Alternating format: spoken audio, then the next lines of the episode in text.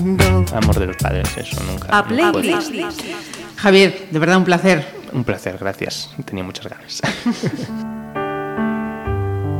Non hai cancións de verce para dormir Non hai mistos para fundir Os pesadelos entre as sombras Que habitan as esquinas do xardín Están aquí As estrelas que pintamos no ceo Saludos, arrancamos esta playlist con una persona que tengo que decir que ya ha estado en varias ocasiones en este programa, porque eh, esos invitados en su momento, en su programa, en esa selección de 10 canciones, incluyeron algún tema de Luis Emilio Batallán. Y hoy aquí, en la playlist, tenemos al propio Luis Emilio Batallán. Bienvenido y muchas gracias por aceptar nuestra, nuestra Gracias invitación. a ti.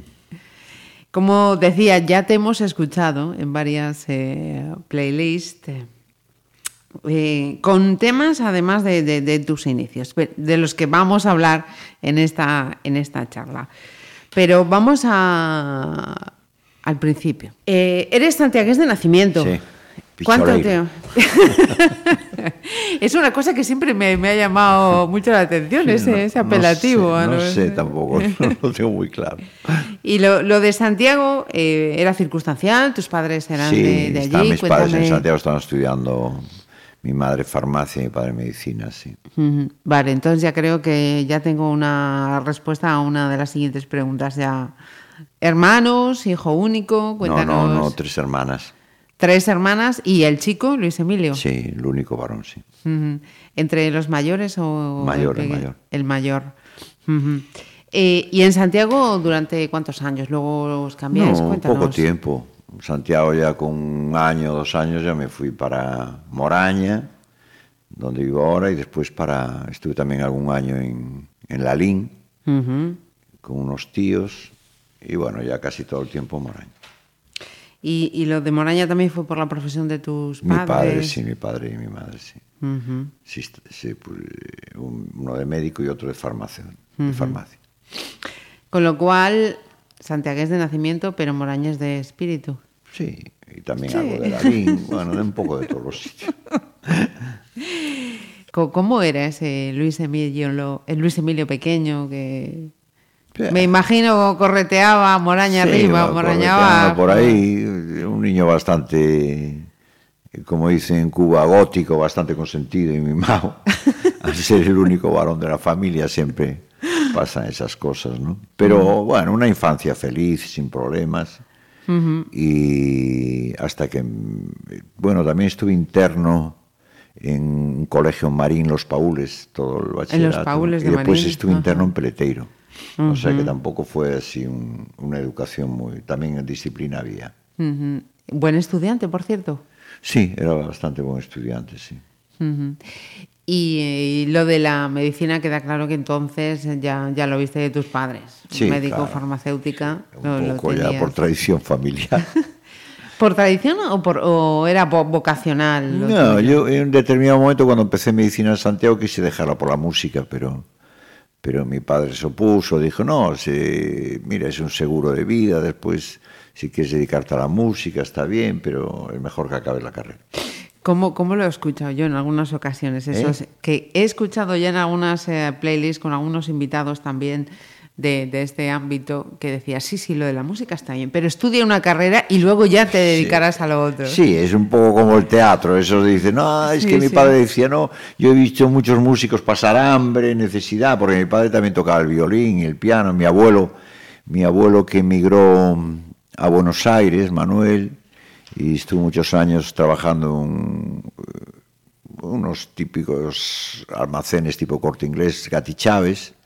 También le gustaba mucho el piano y, y la música y tocaba Beethoven y todo eso. Era tradición ya un poco familiar. Yo, toda mi familia, tengo primos y muchos que se dedican a la música. Incluso en Buenos Aires también tengo muchos parientes que se dedican a la música y a la Y medicina. un tío, ¿no? Creo que hay un tío que también te influyó mucho musicalmente, creo.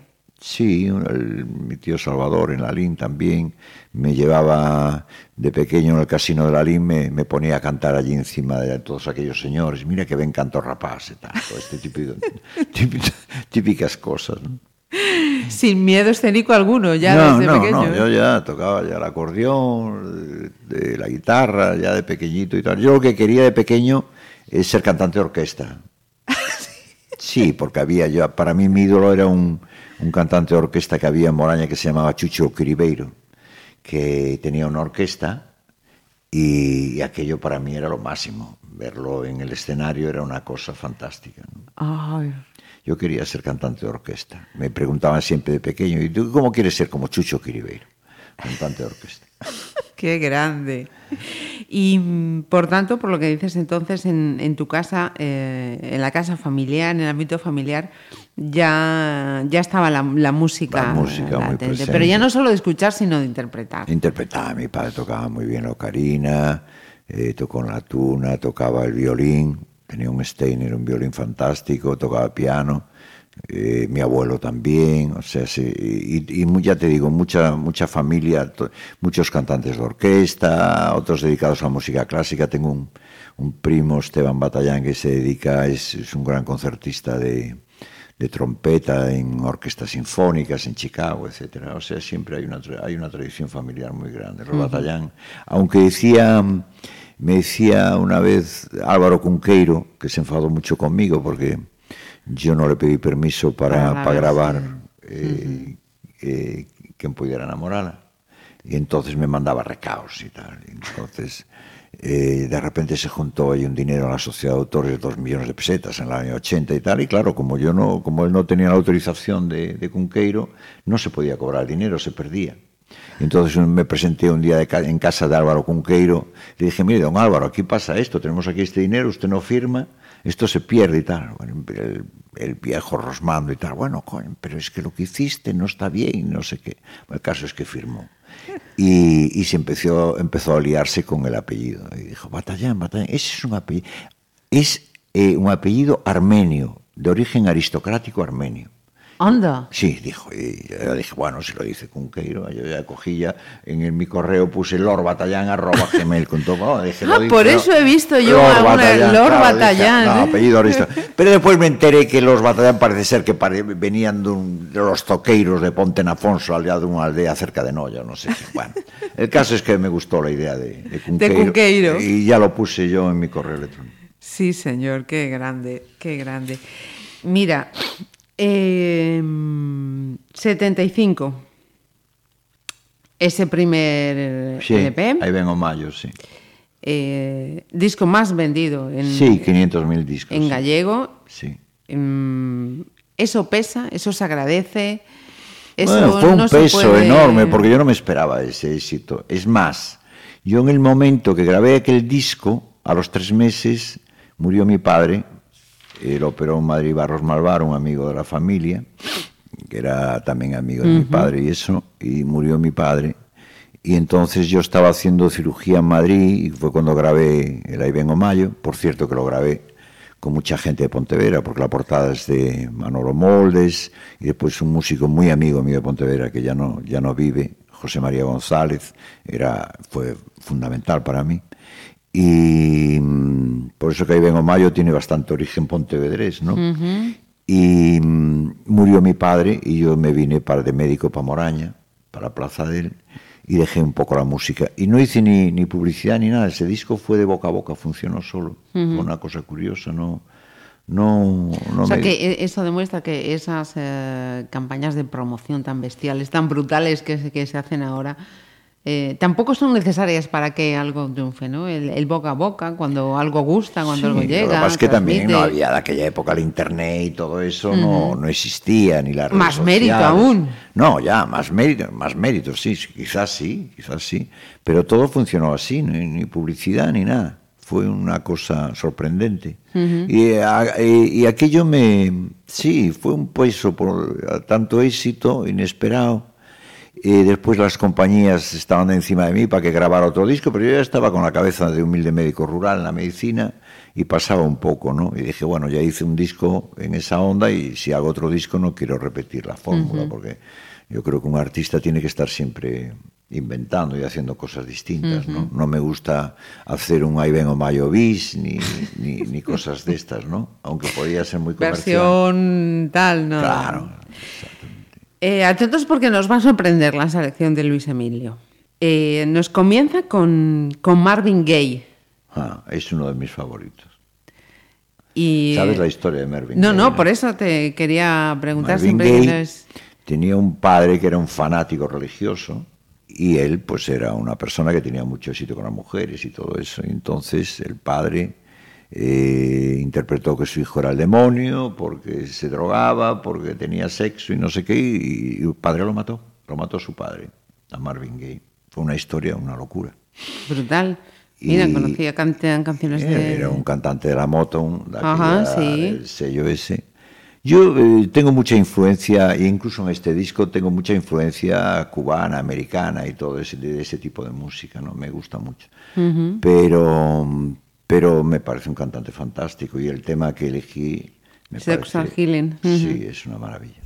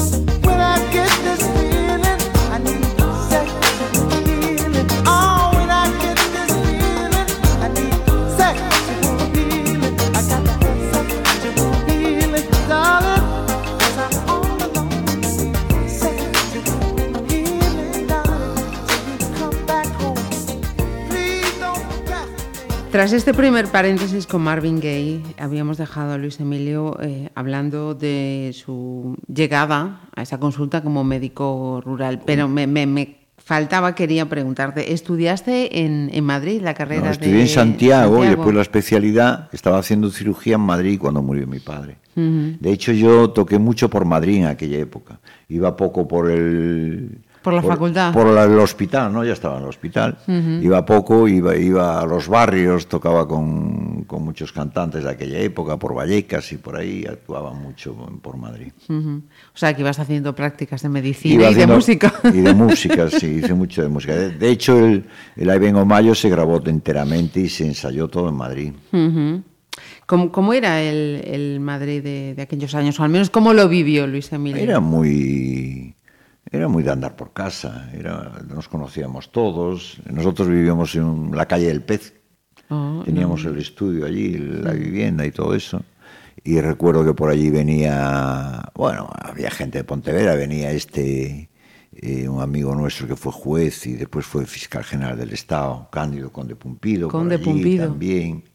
Estaba Manolo Molde, José María, Malaque, había, había mucha gente de por aquí. Ujú. O sea, que en la capital se juntaban los pontevedreses también. Sí, sí, sí, sí, y de Santiago, Vicente Araguas, Camaño, sí. Nos juntábamos mucha gente de aquí, sí. Y, y con gente de Madrid, Hilario Camacho, Moncho Alpuente y todo, también mucha gente. ¿Vuelves entonces a, a Pontevedra por esa necesidad eh, familiar o con convencimiento de decir, bueno, esto se ha terminado, toca, digamos Sí, que sentar a poco- cabecilla? Un poco dejé la, la música una temporada y, y me dediqué a la medicina y la medicina es muy absorbente. No, no te deja mucho tiempo para... Mañana, además de la- en aquella época tenías que estar pendiente mañana, tarde y noche de las urgencias y todo eso. Y era muy absorbente. Entonces, bueno, de- en ratos libres iba haciendo cosas, pero poco profesional, o sea, más así por gusto. De hecho, desde el 75 hasta el 90 no sale ¿no? el, siguiente trabajo. El siguiente trabajo que fue Valeda Nena, me parece. sí. sí, por eso. Fueron unos años dedicados prácticamente a la medicina. Y volví a retomar la música a partir del 90 y ya empecé ya en el 96, cuando me llevó, me llevó Sabina y Milanesa a tocar a La Habana, me, me localizaron por la aldea, me buscaron y me dijeron, pero tú qué haces aquí, vente con nosotros y tal. Y, y me volvieron a meter un poco en el circuito de la música y a meterme otra vez el, el gusto por la O música. sea que en el, en el 90 es cuando, digamos, entre comillas, ellos eh, te rescatan.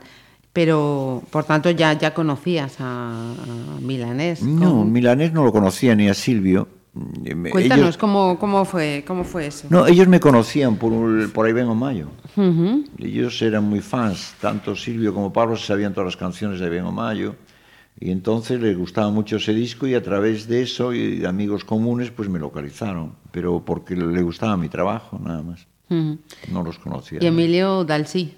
¿Eh? Emilio dice que sí y allá va. Sí, fui a La Habana y, y después a París y bueno, después empecé otra vez a tomar contacto con la música, hice algunos conciertos y tal. Pero bueno, seguía, seguía alternando la medicina y la música, ¿no? lo cual es difícil a nivel profesional porque la música te exige también mucha dedicación. Antes de, seguir conociendo esa, esa trayectoria eh, musical, que digamos supongo que es la, faceta pública más, más conocida de, de Luis, de Luis Emilio, eh, quería eh, preguntarte también por, por el ámbito eh, familiar. Aquella Luis Emilio ya tiene hijos, ya está casado. Co- ¿Cómo, es esa parte? Sí, no, pero yo me casé íntima? tarde, yo tengo cuatro hijos. Ujú. Ya, s- bueno, ya los pequeños ya eh, tienen 24 años, que son gemelos, pero yo me casé relativamente tarde, ¿no? Y, y tuve cuatro hijos y eso, la vida familiar, bien, ¿no? Relativamente tarde. Tarde, sí. ¿A qué llamamos relativamente tarde Luis Pues Emilio? Porque no bueno, sé, treinta y tantos años por ahí, o treinta y cinco, treinta y cuatro, sí. Eso es lo que llamo tarde, pero hoy en día no es tarde. eh, ¿no? por eso, por eso. Tarde de aquella época. Hoy en día ya no es tarde. Efectivamente. Eh, salto en el tiempo. Hacemos otra, otra parada musical Michael Jackson, cuéntame eh, esta, esta selección. ¿Por qué? Hombre, Michael Jackson tiene temas sensacionales. Y, y además el que más me gusta es ese. Man in the Man Mirror. in the Mirror. Sí, es un tema fantástico. Me parece fantástico. Y, es un thriller, fue un disco importante en el pop y ah, como era muy comercial, la gente se cree que pero no, pero tiene una enorme calidad musical brutal. Y además producido por Quincy Jones, que es uno, Casi de, los, nada. de uno de los productores más importantes. Y, y bueno, que me gusta mucho cosas de él también. Toda la buena música me gusta. El, el artista o la, o la historia, la persona La música. de Michael Jackson, digo. Bueno, la persona ya, a mí lo que me interesa es, es su obra artística, de los, por la vida privada y, y eso. todos los artistas, toda la gente que tiene talento, lo decía Truman Capote, eh, si la vida te da talento para una cosa, te da un látigo para, para flagelarte con la otra. Cierto. ¿eh? Entonces, a lo mejor, pues mira, como, como la, la inglesa esta que canta también Soul, que, eh, ¿cómo se llama? Que se murió. eh, Amy Winehouse. Amy Winehouse también, que la podía haber metido aquí, pues es una gran cantante. Eh, pues mira, su vida privada lo que era y después se ponía de- detrás de un micro y cantaba y aquello era una- Brutal. brutal, ¿no? Entonces ahí te da idea de que lo que decía Truman Capote a veces es verdad, lo que te da un, un talento la vida para una cosa te da un látigo para otra. Para ¿no? otra. Vamos es con más, el, la vida- el, sí. el final de Michael Jackson o de Prince o de Amy Winehouse, eso lo demuestra. ¿no? Es, es muy contradictoria y muy difícil. Y la gente que a veces tenemos algún tipo de talento, para una cosa, para lo otro somos un desastre. Que Fíjate, también eh, puedo aplicarse en mi caso, a veces decisiones que he tomado que ha sido un desastre auténtico. gonna make a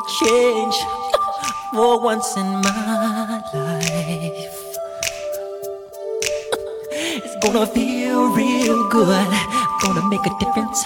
Gonna make it right. As I turn up the collar on my favorite winter coat, this wind is blowing my mind. I see the kids in the street with not enough to eat. Who am I to be blind, pretending not to see their need? A son's disregard, a broken bottle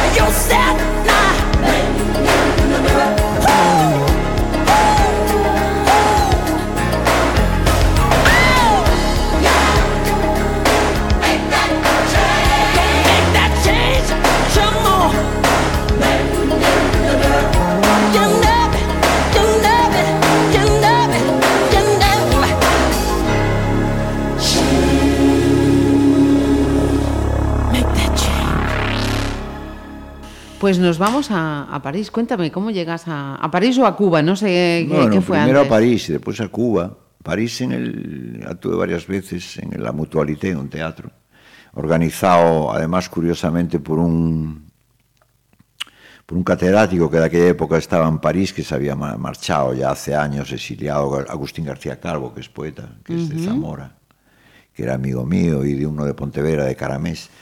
Y, y nos llevó organizado un- una gira por allí, organizado por la CNT, una cosa de locos. Lo cual la organización fue un desastre. Había conciertos que no había ni la mitad del aforo, porque estaba horriblemente organizado. Pero bueno, aquellos años en París, aquella época en París lo pasé muy bien, porque me tiré meses en París y, y al mismo tiempo teníamos una tertulia, mucha gente y amigos y eso. Y después surgió, pues a través de Milanés, y surgió todo lo de La Habana. Y aquello para mí fue un- otra historia, porque aquello ver el Caribe y aquel ritmo de vida y aquella historia, aquello te, te descentró un poco. Absorbe. te absorbe también, ¿no? Y también el nivel de música que tienen y todo eso. Y, y me hice muy amigo de Pablo y, y entonces empecé a ir a Cuba con bastante regularidad. De hecho, tanto Había que llegar, que es el disco anterior, que es un disco, por cierto, el que saqué en el año 2014, que me gusta mucho. Sí. Había que llegar, que lo saqué con Galaxia. Está grabado casi todo con músicos cubanos en La Habana. Y este también, o sea, entre La Habana, Madrid y Los Ángeles está todo montado, todo así. Antes de Había que llegar, eh, en 2007 también eh, editas tu retrato con Milanés y, y Sabina. Sí. Eh, ¿Cómo cambia, si, si, si es que cambia, que yo entiendo que sí, el, el estilo, el compositor? Cambia eh, enormemente. Yo eh, he pegado un cambiazo. Si ves cosas de este disco, el 70 y 29, con relación a Iben o Mayo, ya te puedes No imaginar. tiene No, nada en que primer ver. lugar, cambio eh, que empiezo a utilizar el castellano como idioma. Cosa que nunca me gustó, porque yo siempre me encontré más cómodo en el gallego, me parece más musical y más adaptado a la, a la música, al pop que yo quiero hacer, ¿no? Más brasileño, más americano. Pero bueno, por pues, llegar a más gente, pues bueno, pues tienes que utilizar. Si eres músico, pues tienes que cantar en castellano, en inglés y en el idioma que te lo pongan, porque básicamente eres músico, ¿no? En castellano me, me, me costó bastante adaptarme, porque me parece un idioma un poco más, esas jotas, es un, idioma un poco más duro, ¿no? Más... El castellano a veces es un idioma que se adapta muy bien al bolero, al tango, etcétera, pero, pero para el pop, que es lo que a mí me gusta, eh, es un idioma complicado para hacer. Y rock, rock sí, pero bueno, de aquella manera. eh, he leído además que te sientes más cómodo como músico que como letrista. Sí, sí, soy más músico que letrista. Empecé a escribir letras pues eh, a cabo de varios años, porque realmente vengo mayo, todas las, las letras son de poetas gallegos, ¿no? También escogidos, pero son de poetas gallegos. Y, y en este disco 70 y 29 canto cosas también de un poeta catalán fantástico, que además me lo dijo Joaquín, eh, que me, me animó, que es de Jaime Gil de Viedma, Ajá, sí. que es un gran poeta. Y canto tres o cuatro cosas de él, algo de Fonollosa y después letras mías. Pero bueno, a mí la, la, la letra, ya te digo, yo soy más músico que letrista. Eh, otra sorpresa, Prince. Prince, bueno, Prince eh, es un músico muy importante y, y el funk y todo el estilo que hace es, es, es brutal, ¿no? Y bueno, Purple Rain es el más así, Uno de los grandes éxitos. uno de los grandes su- éxitos, pero bueno, tiene temas Kiss, tiene, tiene cantidad de temas importantes también, es un músico, yo creo que de los importantes de este, de este siglo pasado. De hecho, yo canto a veces Purple Rain en inglés en directo y eso.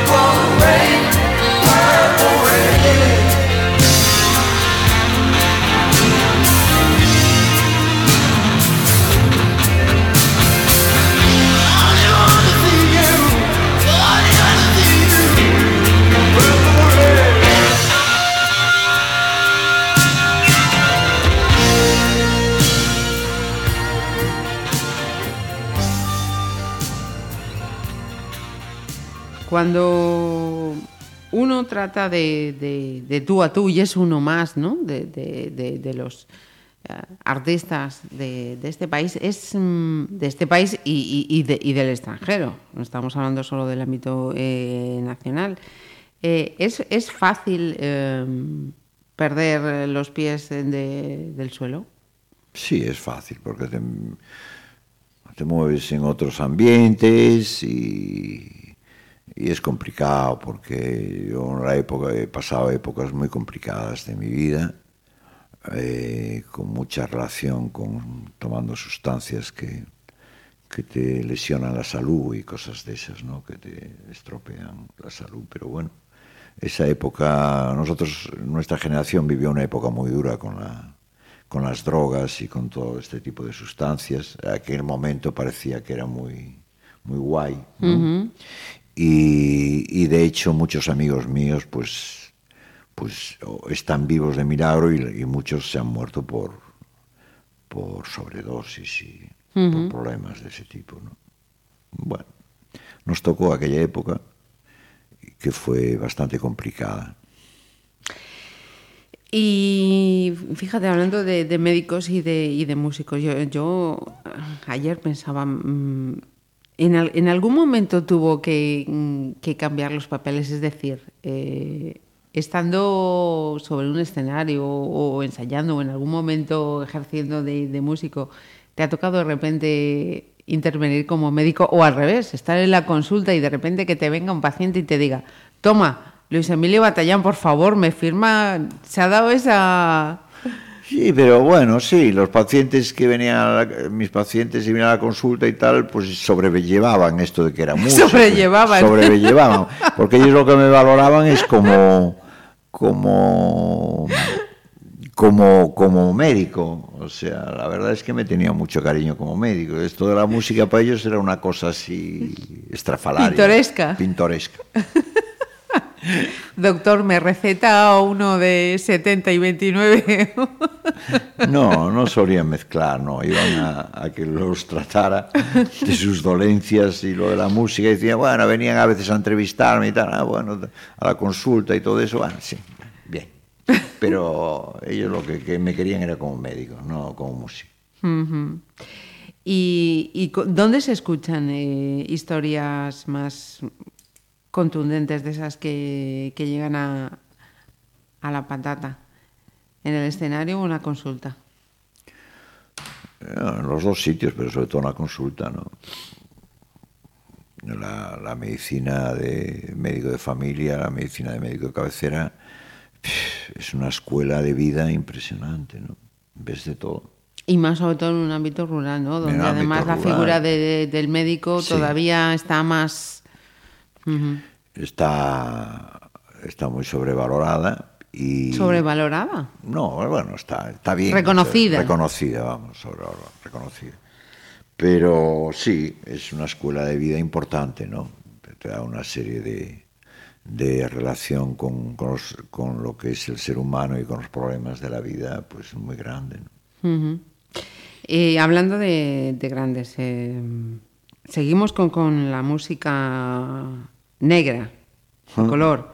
Stevie Wonder, Ja, también otro... gran, gran músico es uno de mis favoritos Es Estamos uno de los descubriendo su de lista. de- favoritos Stevie Claro, Wonder. claro. Sí, sí, la verdad es que ese ciego maravilloso es un gran, un gran compositor.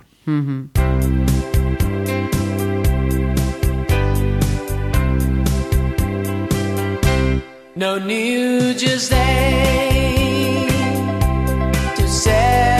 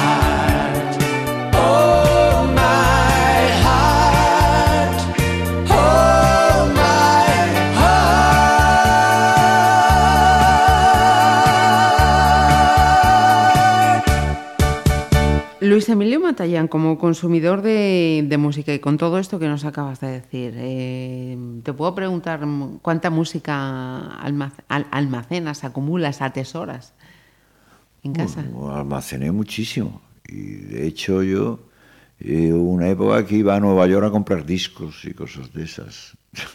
Me iba a Nueva York 10 días y compraba discos y venía con LPs y todo eso por las tiendas de, de Nueva York. Muchísima música almacené. Pero bueno, ahora prácticamente la música, tengo que decirlo, que la oigo prácticamente en el móvil. En el móvil. Sí, lo oigo pues, en las plataformas, eh, como Spotify, toda mi música, toda mi música la tengo en iTunes, Spotify, en todas las plataformas digitales. Cuando quiero oír una canción mía, pues lo oigo por el, con unos cascos, lo oigo estupendamente en el móvil, ¿no? La, ver- la verdad es que esto de internet a la venta de discos y a los músicos nos ha hecho un daño tremendo. Pero Por es- ahí quería preguntarte, efectivamente. efectivamente. Tremendo.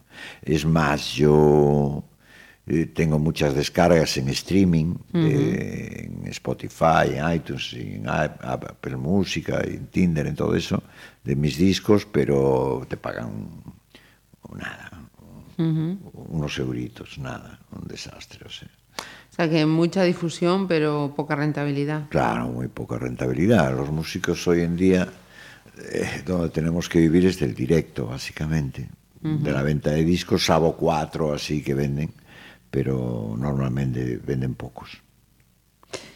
Tenemos que vivir del directo y de los Sí. directos también vamos a hablar en, en- en unos instantes porque tiene un par de citas muy importantes, mm, pero eh, antes de, ir con, con un clásico, mm, con un clásico iba a decir yo, vamos a dejar música negra, pero no, porque hay quien dice también que la influencia de quienes vamos a hablar también viene, viene de ahí. Lo de las redes eh, sociales y todo esto, has tenido que entrar en ello sí o sí, ¿no? No, Por no tuve más remedio que entrar. ¿no? Yo, yo era un analfabeto digital y no tuve más remedio que entrar en Twitter, en, en Facebook, en Instagram, en todas esas redes y estar ahí. Y, y bueno, a mí la verdad es que no me gusta mucho lo de las redes, pero no tengo más remedio porque es donde la gente busca los conciertos, donde la gente busca las informaciones y, y no tienes más remedio que estar. Pero si puedo evitarlas, las evito. Pero bueno, ya te digo, yo tengo mi página oficial en Facebook, en Instagram, en Twitter, etcétera. Mira, eh, decía, vamos a cambiar. eh, los Beatles. Sí, hombre, los Beatles fue la época de Santiago cuando yo estaba estudiando, los Beatles eran muy importantes, ¿no? Y fue aquello fue un flash de aquellas canciones de los Beatles eran una maravilla. Siguen siendo una maravilla todos los temas, mu- la cantidad de temas de los Beatles, ¿no? Tanto de John Lennon como Paul McCartney o George Harrison. Es, es una maravilla. Pe- Era una revolución musical, era una revolución estética, era una revolución vital, ¿no? También lo que trajeron los Beatles. Y, y básicamente no es que las letras fueran una maravilla, sino que era la música, eran las melodías lo que atraía, porque si después traduces las letras ves que son bastante simples, ¿no?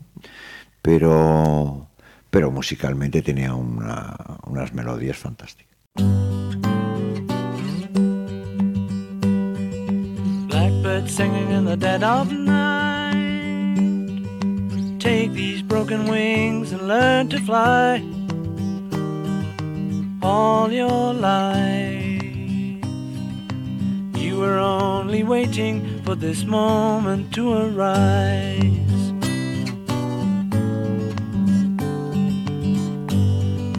Blackbird singing in the dead of night. Take these sunken eyes and learn to see all your life. You were only waiting for this moment to be free. Blackbird fly. Blackbird fly of a dark black night.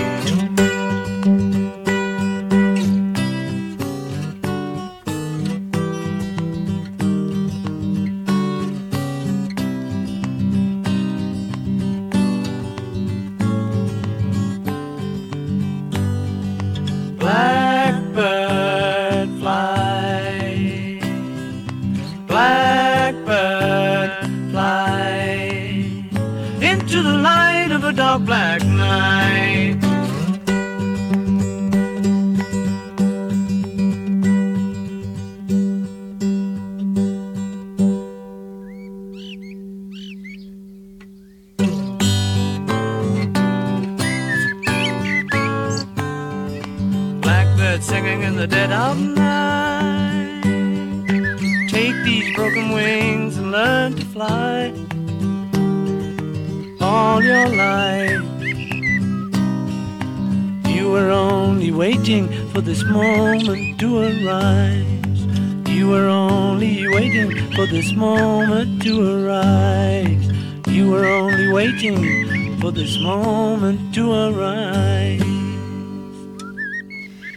Luisa, mira, hay un tema por el que te quiero preguntar, pero sí que he leído que, mm, que no te gusta demasiado hablar de ello. Y, y fue tu etapa en el Pontevedra, como No, presidente no del me gusta. No. Bueno, no me gusta, fue una etapa negra, fue, fue meterme donde no debía, eh, un mundo que no, tiene, no tenía nada que ver conmigo, que incluso me pudo afectar a, a- a la creatividad y a la sensibilidad de alguna manera, porque aquello era otra historia. Pero bueno, que me vi metido en eso para escapar de otras cosas. Y, y fue un error tremendo y que además me costó muchísimo dinero y, y muchos problemas y, mucho mal rollo y la verdad es que no, no, no, no me gusta hablar de esa etapa porque, porque fue una época bastante oscura. Mira, eh, cuando uno está um, ahí arriba, en el éxito, cada uno puede interpretar el éxito de muchas maneras, porque mm, mm, goza de una- un nivel económico importante, de un reconocimiento eh, importante.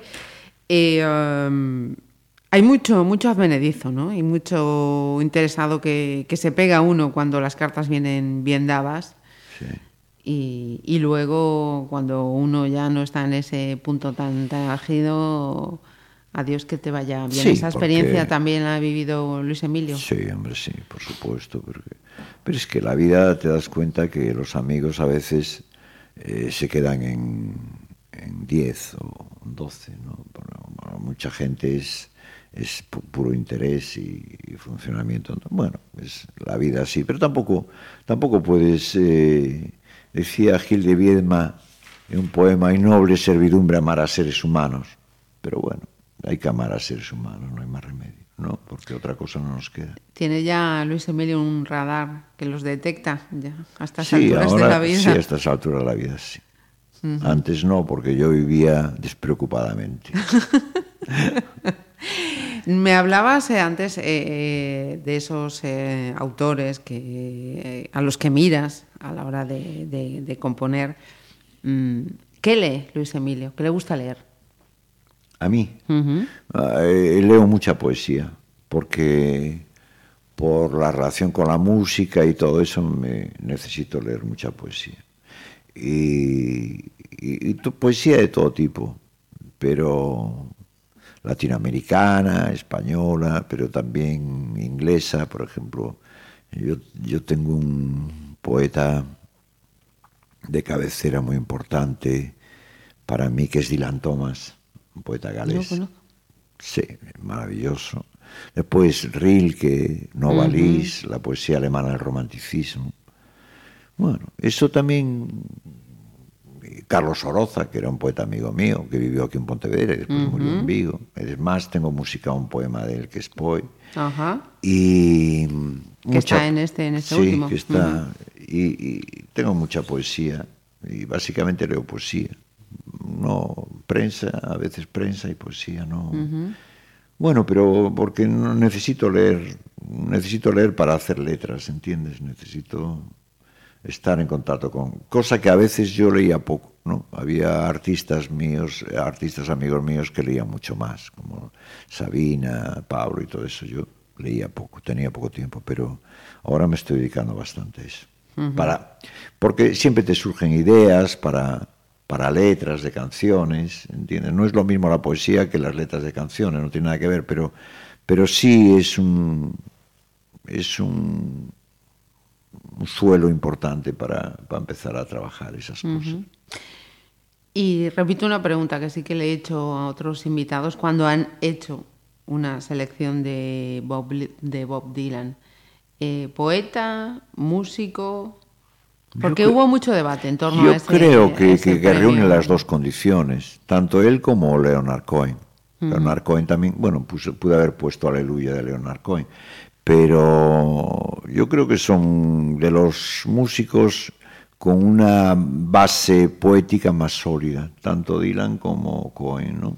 Me parecen así los que, que reúnen eh, una profundidad poética importante dentro de la música, porque muchas veces las canciones, eh, las letras, eh, si las traduces o tal, te das cuenta que no son muy importantes, ¿no? Pero, pero ahí sí tiene contexto la, las historias que cuentan y la poesía tiene, tiene fuerza, ¿no? Eh, eh, Dylan imita mucho la poesía del, de, de Dylan Thomas, de ahí cogió el nombre, ¿no?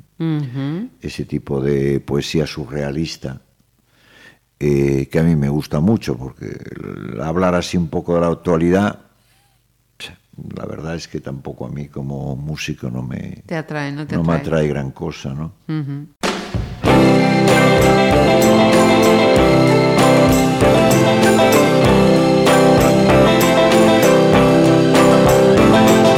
Once upon a time you dressed so fine the bumps of dime in your prime Then you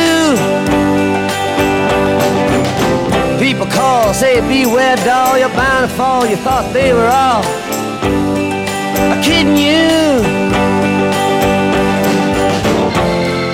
You used to laugh about everybody that was hanging out. Now you don't talk so loud. Now you don't seem so proud about having to be scrounging. Your next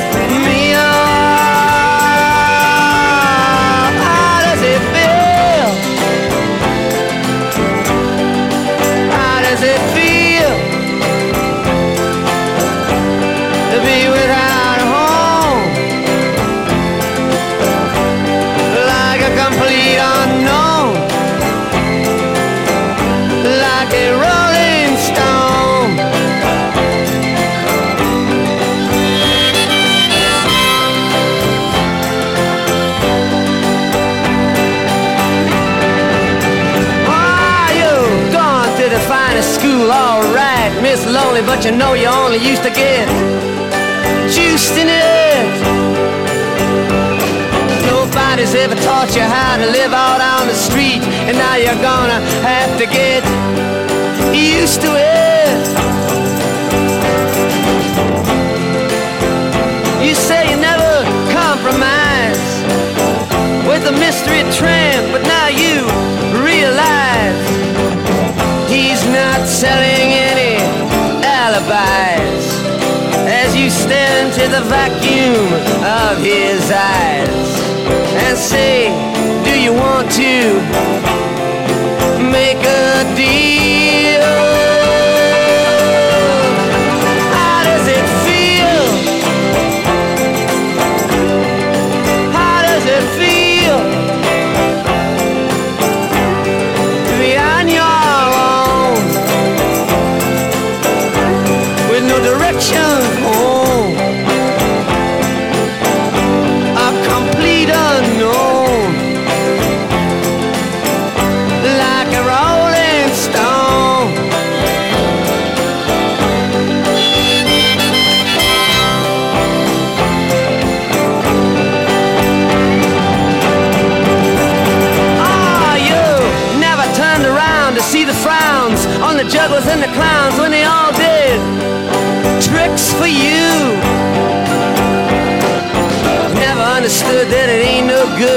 Shouldn't let other people get your kicks for you.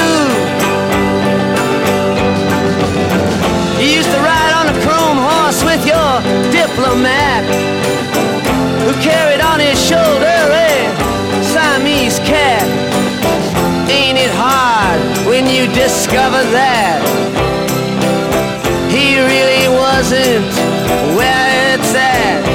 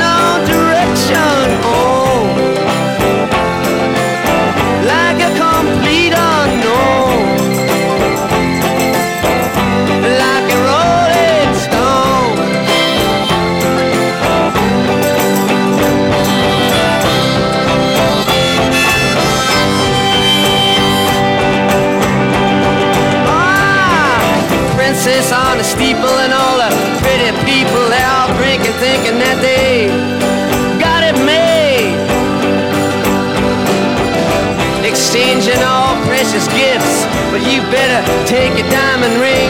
You better pawn it, babe. You used to be so amused at Napoleon in rags and the language that he used. Go to him now, he calls you, you can't refuse. When you ain't got nothing, you got nothing to lose. You got no secrets to conceal.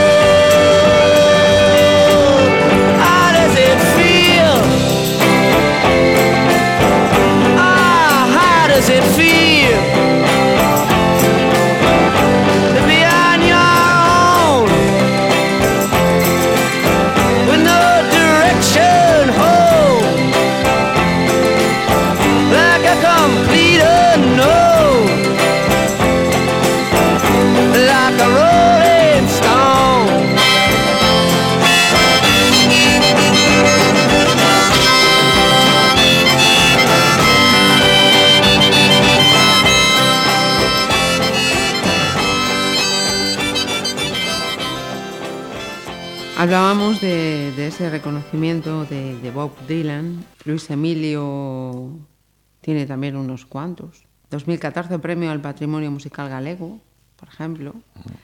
Eh, este mismo mes acaba de recibir en el ámbito musical eh, el premio de la crítica de, de Galicia. Sí, en Vigo, sí.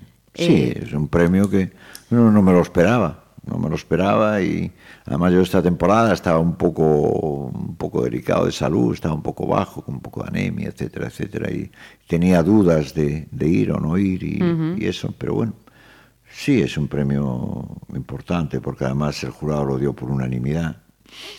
Y, y, bueno, agradezco a quien amarga un dulce, ¿no? No, no es que yo sea mucho de premios ni crea mucho. Por eso quería pre- preguntarte, Hombre, no, porque es que no, la verdad hablar de uno mismo es un poco, no me gusta, Es- me parece un poco pretencioso, dar, es darse tanta importancia cuando a lo mejor no la tenemos. o no, o es... eh, No sé, bueno, yo lo agradezco de todas formas. Vamos a Si dejarlo de ahí ahí. salen más actuaciones, mejor que mejor. ¿eh? Vale, pues vamos a hablar de actuaciones, pero antes vamos a hacer otra parada con la primera mujer de esta lista, Carol King. Sí, sí, sobre todo ese tema concretamente. Bueno, tiene temas. eh. Yo tengo dos, dos prioridades, eh, tanto Aretha Franklin como Carol King como Johnny Mitchell. Pero bueno, esta canción mm, me parece fantástica, Natural Woman. Me parece una canción. You made me feel, you made me feel. And you natural woman. ¿eh? ¿Te, te llaman más la- las voces masculinas que las eh, femeninas? No, no, no, no, no, no, no. Me- eh, Quizá me llamen tanto las femeninas como las masculinas. Porque además en este último disco, además en 70, 70 y 29, tienes una colaboración femenina también. Sí, sí, tengo una colaboración de una cubana, sí, que canta con una, una gran voz, sí, que es además la hija del productor de Agoberto, Ajá. Chiralín, sí.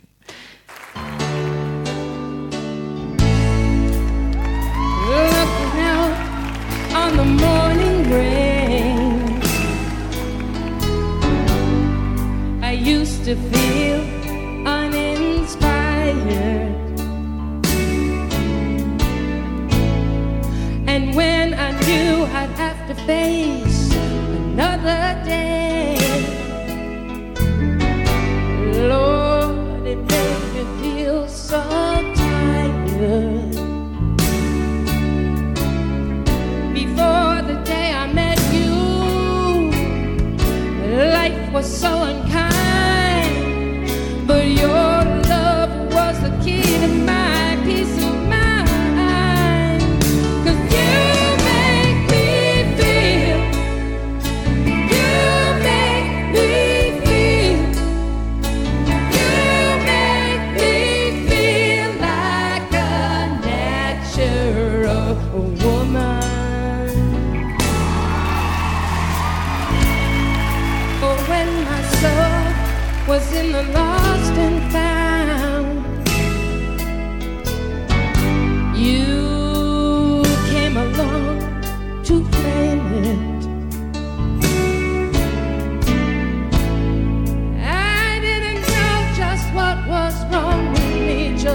was wrong.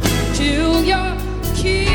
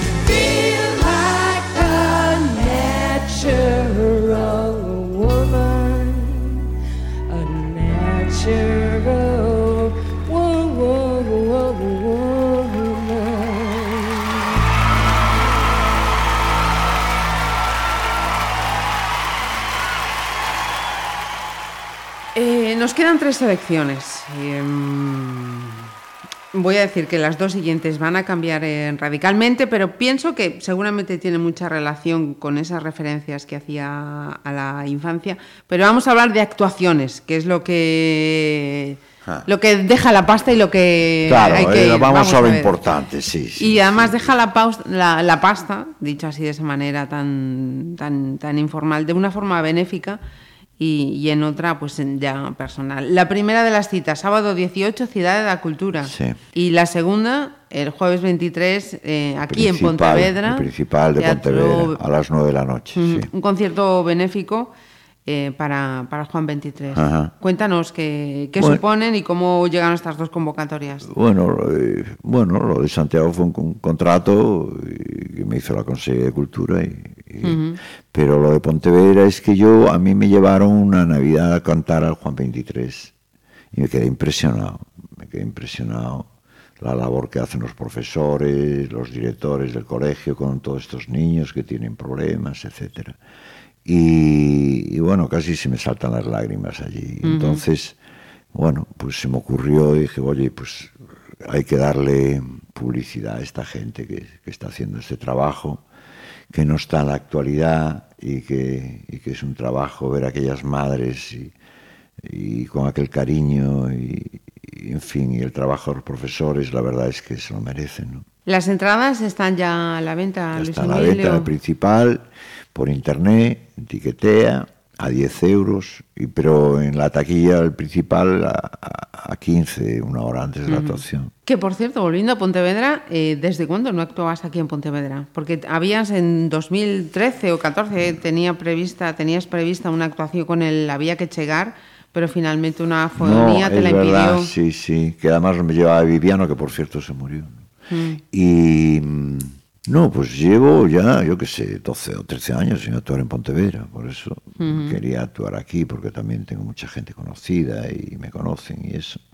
Y es una ciudad importante para, dentro de lo que es mi trayectoria. Ya te digo, ahí vengo mayo, fue un disco que se gestó con mucha gente de aquí de Pontevedra y muchos amigos. Pues lo recordaremos, esa cita el jueves 23 en el Teatro Principal, pero vamos a hacer esa parada en, en la música clásica, nada más y nada menos que en el bolero de Ravel. Yo, yo decía que me imagino que esto tiene que tener reminiscencias de, de- de la infancia, de la Sí. familia. Sí, yo, yo cuando estaba estudiando interno en los, en los Paules en Marín, en, los, en el patio, cuando estábamos en el recreo, nos ponían siempre bolero de Ravel. Anda. Sí.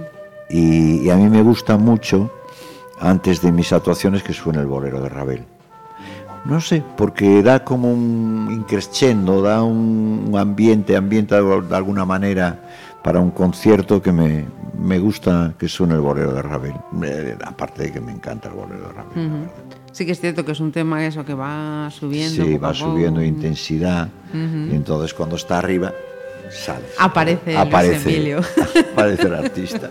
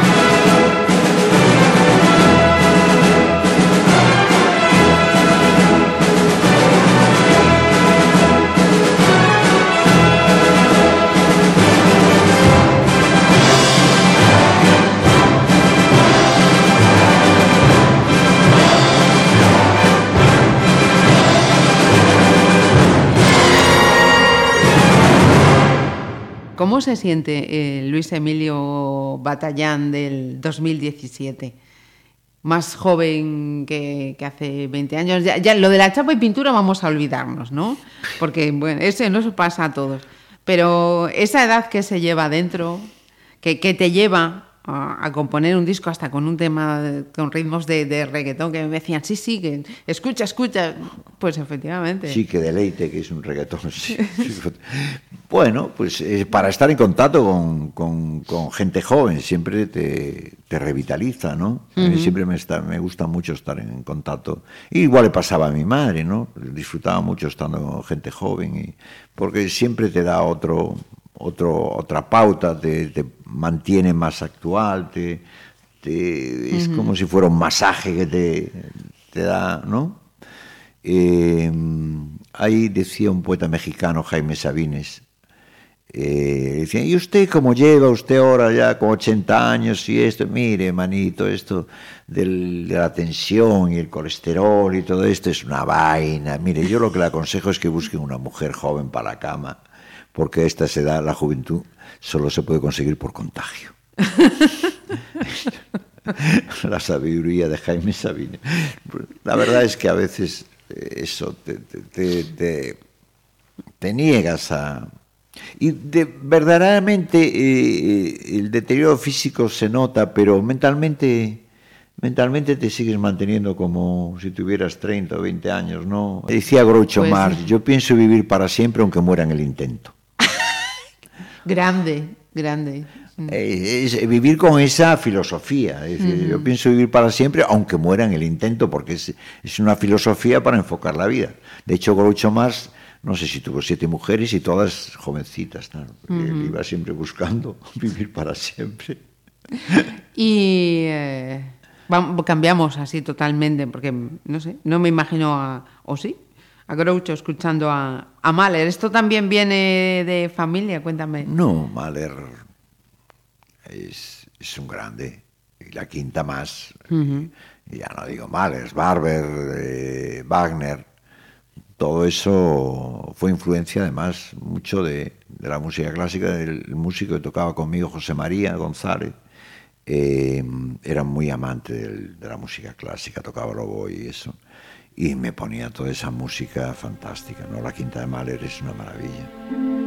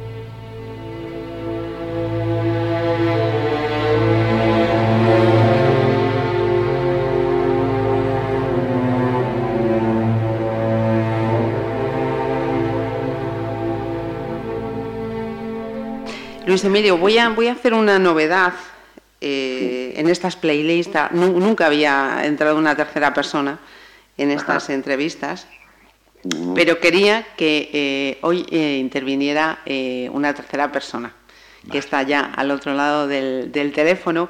Si coges, por favor, uno de los auriculares. Antes hablábamos de, de las personas que uno tiene, tiene alrededor, de, esas personas que, se juntan a uno en momentos porque interesan que no. Pero y tú me decías una frase, dice, eh, yo sé quiénes son mis amigos y con, esos 10 amigos tengo, tengo suficiente. Eh, no me cabe ninguna duda de que quien está al otro lado del teléfono es uno de ellos y quiero que, que él mismo, pues lo voy a presentar. Don Miguel Ares, bienvenido. Hombre, Michael, ¿Qué? ¿cómo va, la, ¿cómo va el acordeón? El acordeón, hombre, estoy ya al máximo, ya casi, casi, casi interpreto ya obras obras clásicas, ya con acordeón, no como Chucho Ribeiro, ¿eh? O sea, ya, ya estoy a un nivel muy, muy alto, muy alto. Eh, ¿Y tú, Lu- y tú cómo vas? Bien. Va, aquí estamos, aquí, Aquí, en, la lucha. estás en buena compañía, estás en buena compañía. Mira, que, que son Luis Emilio, eh, amigos, amigos como, como este que, que te Hombre, es un acompaña ahora. amigo ya desde pequeñito ya. Os puedo arrancar ¿Cómo? una anécdota así de, de ese Luis Emilio y Miguel de, de- de pequeños ya, de, de amigos. Buah, son 20.000. Íbamos a clase de música los dos juntos y él dice- decía que no sabía ni idea de solfeo. Sí, sí. No, claro, claro, y lo, y lo, y lo mantengo, y lo mantengo. Sí, pero habría, habría para hacer un, un libro, pero, pero un libro de muchas páginas, ¿eh? Muchas páginas. Son, son muchos años los que llevamos eso teniendo una muy buena, muy buena amistad, y sincera además, sincera amistad, que es lo bonito de, de, de los amigos, ¿no? Entonces tendremos, tenemos muchas, muchas, muchas cosas que contar y algún día a lo mejor nos decidimos a escribir un libro los dos y, e interpretar alguna canción. Incluso hay, bueno, yo simplemente apoyándole con, con los instrumentos que, que domino, porque el artista es él realmente, yo soy simplemente un, un currante.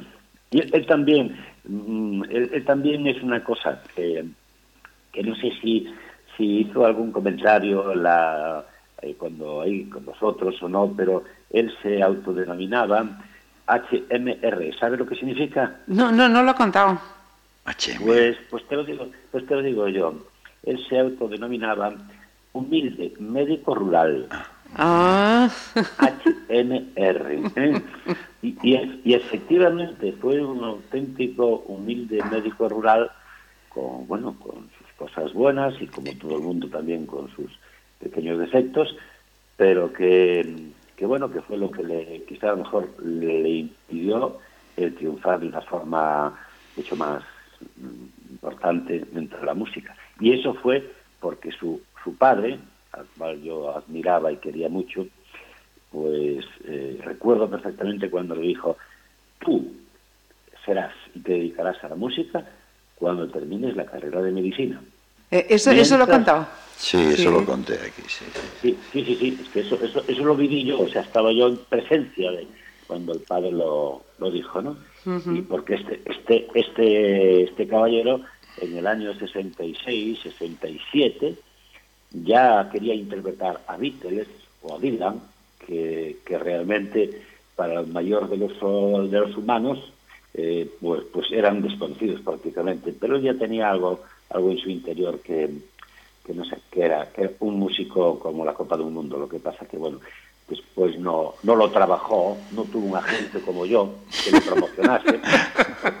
claro, él, él confundió, él se confundió en un tema y es el- el- para triunfar en el mundo de la medicina o triunfar en, el- en mi mundo, el de la ingeniería, no hace falta, no necesitas, para nada la ayuda de los medios audiovisuales, ahora se llama, ¿no? Pero que si quieres triunfar en el mundo de la música, sí dependes mucho, mucho, mucho, mucho de, esos medios, ¿no?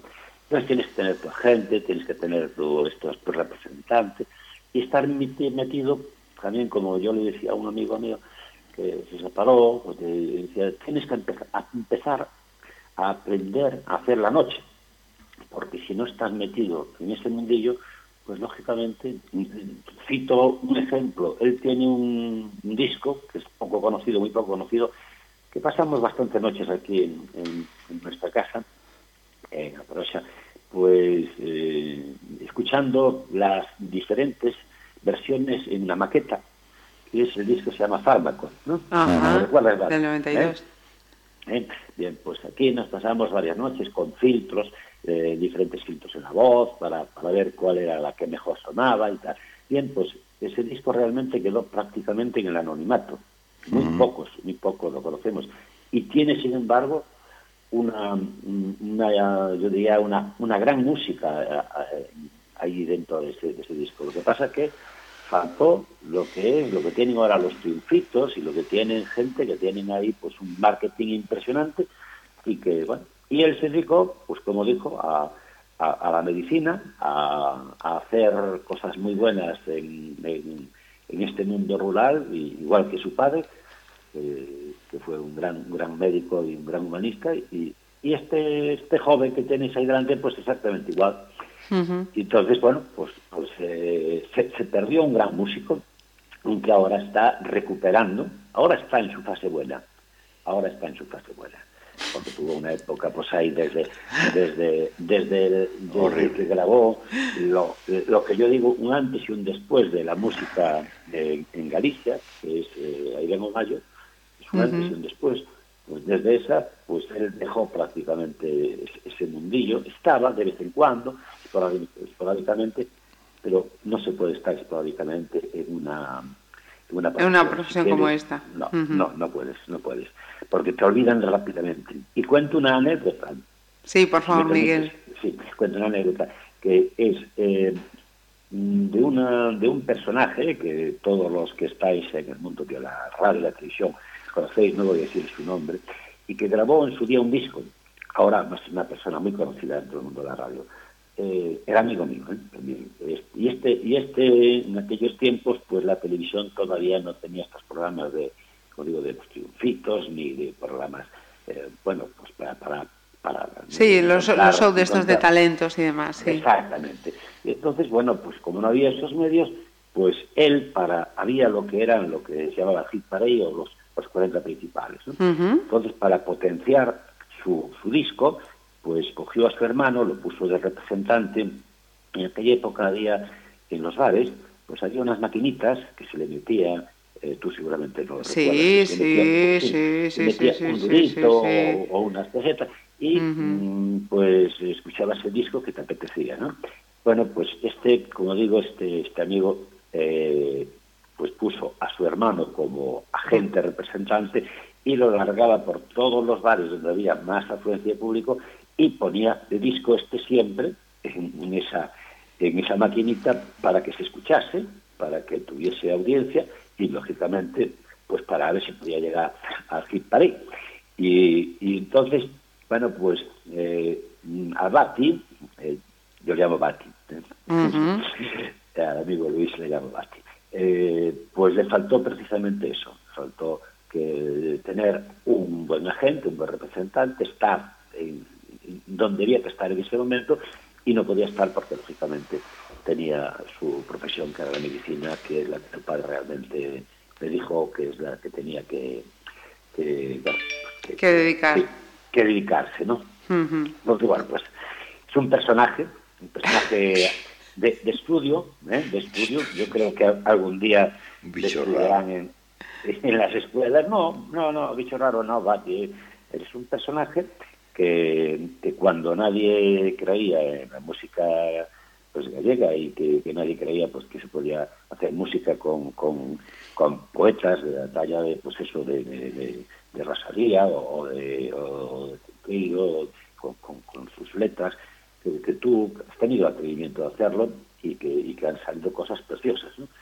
entonces yo digo que hay un antes y un después de, de Luis Emilio Batallán dentro, dentro de la música gallega. Que no ha triunfado todo lo que debiera, pues efectivamente. Pero ahora, como ya tiene además, ya tiene sentada la cabeza, pues Bueno, yo no creo... lo creo yo mucho. Sí, sí, sí, sí, sí, sí, sí, sí, sí, sí, tienes, tienes, sí, sí. eh, a Luis, Luis Emilio Batti ha pasado por muchas épocas eh, en la vida. Desastrosas. No, de todo tipo, de, de ser, ser un, un casi casi, pues...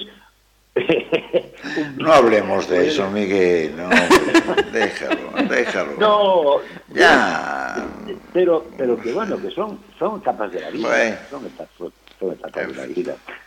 Pero bueno, que, que me alegro de que, que hayas recuperado y que hayas vuelto otra vez al, al mundo de la música, que le podrás todavía Bueno. a la gente que va por la música. Un beso, mi hermano. Y, y, un, y, un, y un- beso y ya sabes que te quiero mucho. Ya lo ¿eh? sé, yo también. Bueno, pues Chao. eh, fue un placer. Miguel, mu- muchísimas gracias por hacernos de, de- de cómplice, entre comillas, para darle esta, Podría- esta sorpresa. Podríamos estar horas y horas hablando de Gatti, pero no, no es el momento. Vale. Muchas- Venga, muchas gracias. un abrazo, Miguel. Muchas Un abrazo. gracias. Hasta luego, adiós. Pues eh, era la, la sorpresa que queríamos eh, darle a, Menuda sorpresa. a Miguel, ¿no? De esos, esos amigos con, con mayúscula, de los que siempre están ahí, Sí, para lo bueno y para lo malo. sí, la verdad. Y vamos a cerrar con, con los Beatles, ¿no? Ajá. De nuevo con los Beatles, ese Let It Be, que es la última selección que nos ha hecho. Luis Emilio, eh, día 23, ahí estaremos en el Teatro Principal para escucharte. Eh, ¿Será del 70 y 29 o vas a hacer un... De todo. Todo un poquito. De todo un poco. Mm. Darte sinceramente las gracias por haber compartido este, este ratito en Pontevedra Viva Radio. Gracias a ti.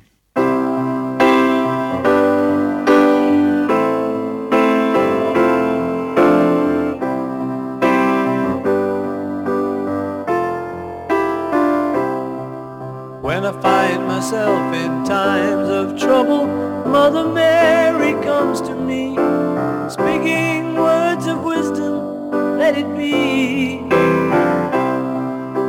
And in my hour of darkness, she is standing right in front of me, speaking words of wisdom, let it be. Let it be, let it be,